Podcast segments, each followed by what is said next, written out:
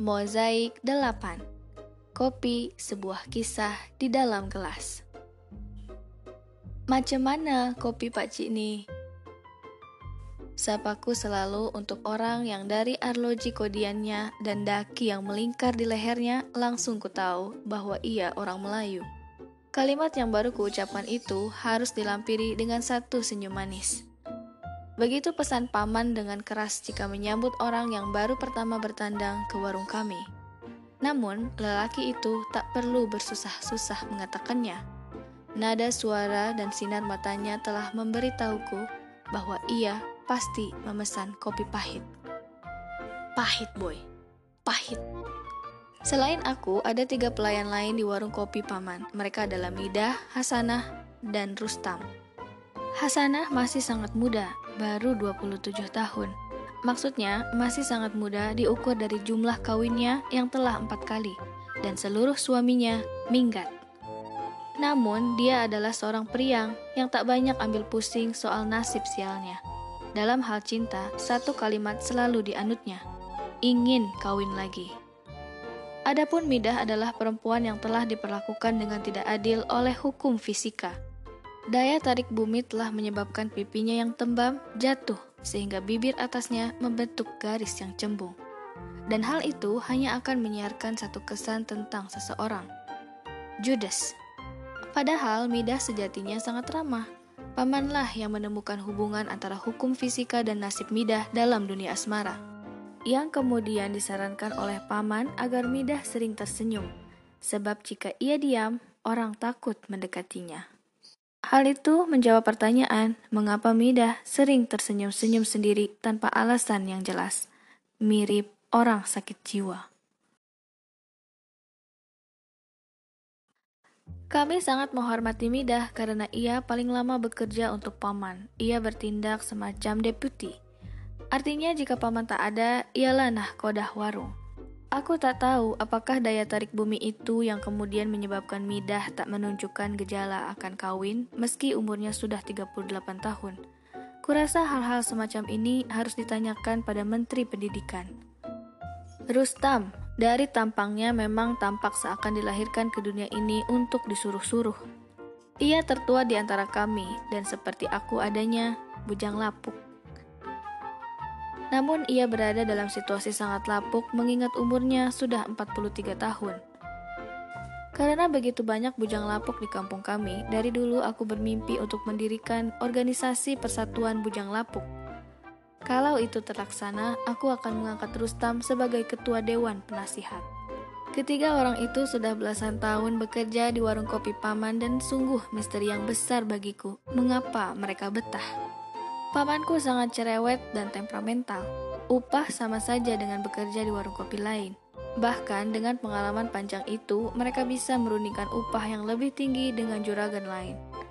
Apakah rahasia paman sehingga orang betah bekerja dengannya, padahal ia sangat tidak menyenangkan? Pasti ada sesuatu yang luar biasa di balik semua itu. Misteri ini ingin kubongkar pelan-pelan selama bekerja di warung kopi ini. Lambat tahun, perasaan terpaksa yang kualami pada minggu-minggu pertama bekerja di warung kopi berubah. Pekerjaan itu mulai memperlihatkan madunya. Mulanya aku senang karena di warung kopi aku dapat berjumpa lagi dengan banyak sahabat masa kecil yang telah terlupakan. Mereka membawa anak-anak dan istrinya ke warung kopi. Mawarni anaknya sudah mau masuk SMP. Sinan rupanya sudah punya anak yang badannya lebih tinggi dari ibunya itu. Kasihan Amiruddin dan Susila, mereka belum punya anak.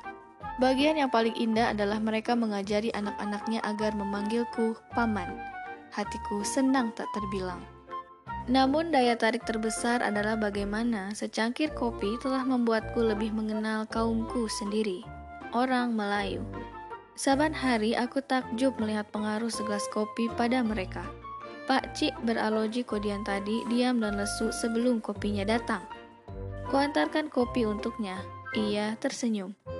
Dengan mata terpejam diseruputnya kopi itu sampai terdengar ke seberang jalan.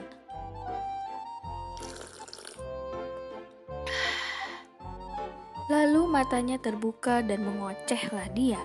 Bicaranya pintar, lebih pintar dari siapa pun. Semakin dalam aku berkubang di dalam warung kopi, semakin ajaib temuan-temuanku. Kopi bagi orang Melayu rupanya tak sekedar air gula berwarna hitam, tapi pelarian dan kegembiraan. Segelas kopi adalah 12 teguk kisah hidup. Bubuk hitam yang larut disiram air mendidih pelan-pelan menguapkan rahasia nasib. Paling tidak 250 gelas kopi kuhidangkan setiap hari untuk para pelanggan tetap warung kami. Setelah sebulan, aku hafal takaran gula, kopi, dan susu untuk setiap orang. Dan aku tahu semua kisah. Mereka yang menghirup kopi pahit umumnya bernasib sepahit kopinya. Makin pahit kopinya, makin berliku-liku petualangannya. Hidup mereka penuh intayan mara bahaya. Cinta, berantakan. Istri pada minggat. Bisnis kena tipu.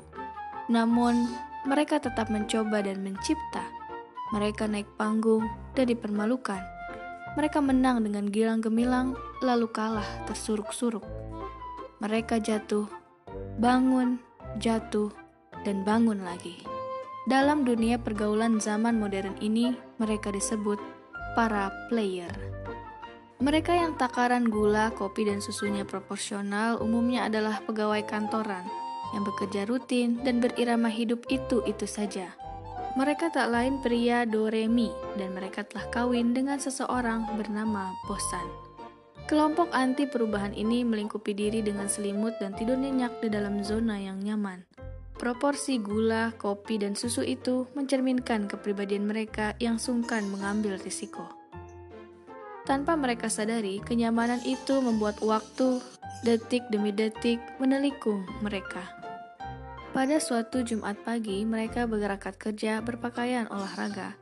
Usai senam kesegaran jasmani, ada upacara kecil penyerahan surat keputusan pensiun. Itulah SKJ-nya yang terakhir. Itulah hari dinasnya yang terakhir. Tamatlah riwayatnya. Sering kutemui orang seperti itu mengatakan hal begini di warung kopi. Hei, rasanya baru kemarin awak masuk kerja. Kemarin itu adalah 30 tahun yang lalu. Tahu-tahu sudah pensiun awak nih. Dia memesan kopi dengan takaran yang sama seperti pesanannya pada kakekku di warung yang sama 30 tahun yang lalu. Wajahnya sembab karena tahu waktu telah melewatinya begitu saja. Masa mewah bergelimang waktu dan kemudian telah menguap darinya, dan ia sadar tak pernah berbuat apa-apa, tak pernah menjadi imam di masjid, tak pernah naik mimbar untuk menyampaikan paling tidak satu ayat sesuai perintah ilahi, tak pernah membebaskan satu jiwa pun anak yatim dari kesusahan. Duduklah ia di pojok sana, menghirup kopi dua sendok gula yang menyedihkan itu. Kaum ini disebut para safety player. Ada pula satu kaum yang disebut sebagai semi player. Cirinya 4 sendok kopi, ini termasuk kental, tapi ditambah gula setengah sendok saja. Orang-orang ini merupakan ahli pada bidangnya. Mereka bertangan dingin dan penuh perhitungan. Mereka bukan tipe pegang lepaskan, pegang lepaskan. Mereka adalah tipe pegang, cengkram, telan. Namun ada kalanya mereka adalah pecinta yang romantis. Takaran kopi semacam itu membuat mereka merasakan pahit dekat tenggorokan, namun terbesit sedikit manis di ujung lidah. Bagi mereka, hal itu seksi. Mereka yang minum kopi dan hanya minta sedikit gula, lalu setelah diberi gula mengatakan terlalu manis atau kurang manis, merupakan orang-orang yang gampang dihasut. Mereka lah pengacau sistem politik republik karena suaranya gampang dibeli. Mereka itu kaum yang pelin-pelan. Petinggi-petinggi partai politik dan menteri-menteri kabinet banyak bercokol di wilayah ini. Mereka yang memerlukan susu lebih banyak umumnya bermasalah dengan kehidupan rumah tangga. Dalam keadaan yang ekstrim misalnya tengah berperkara talak menalak di pengadilan. Mereka hanya meminum air panas dan susu saja, tanpa gula dan kopi. Orang-orang ini sering melamun di warung kopi. Tak tahu apa yang sedang berkecamuk di dalam kepala mereka. Mereka adalah para ex-player. Namun, ada pula yang suka minum air dengan gula saja, tanpa susu dan kopi. mereka adalah burung sirindit. Sedangkan mereka yang meminta kopi saja tanpa air dan memakan kopi itu seperti makan sagon adalah penderita sakit gila nomor 29. Adapun mereka yang sama sekali tidak minum kopi adalah penyia-nyia hidup ini.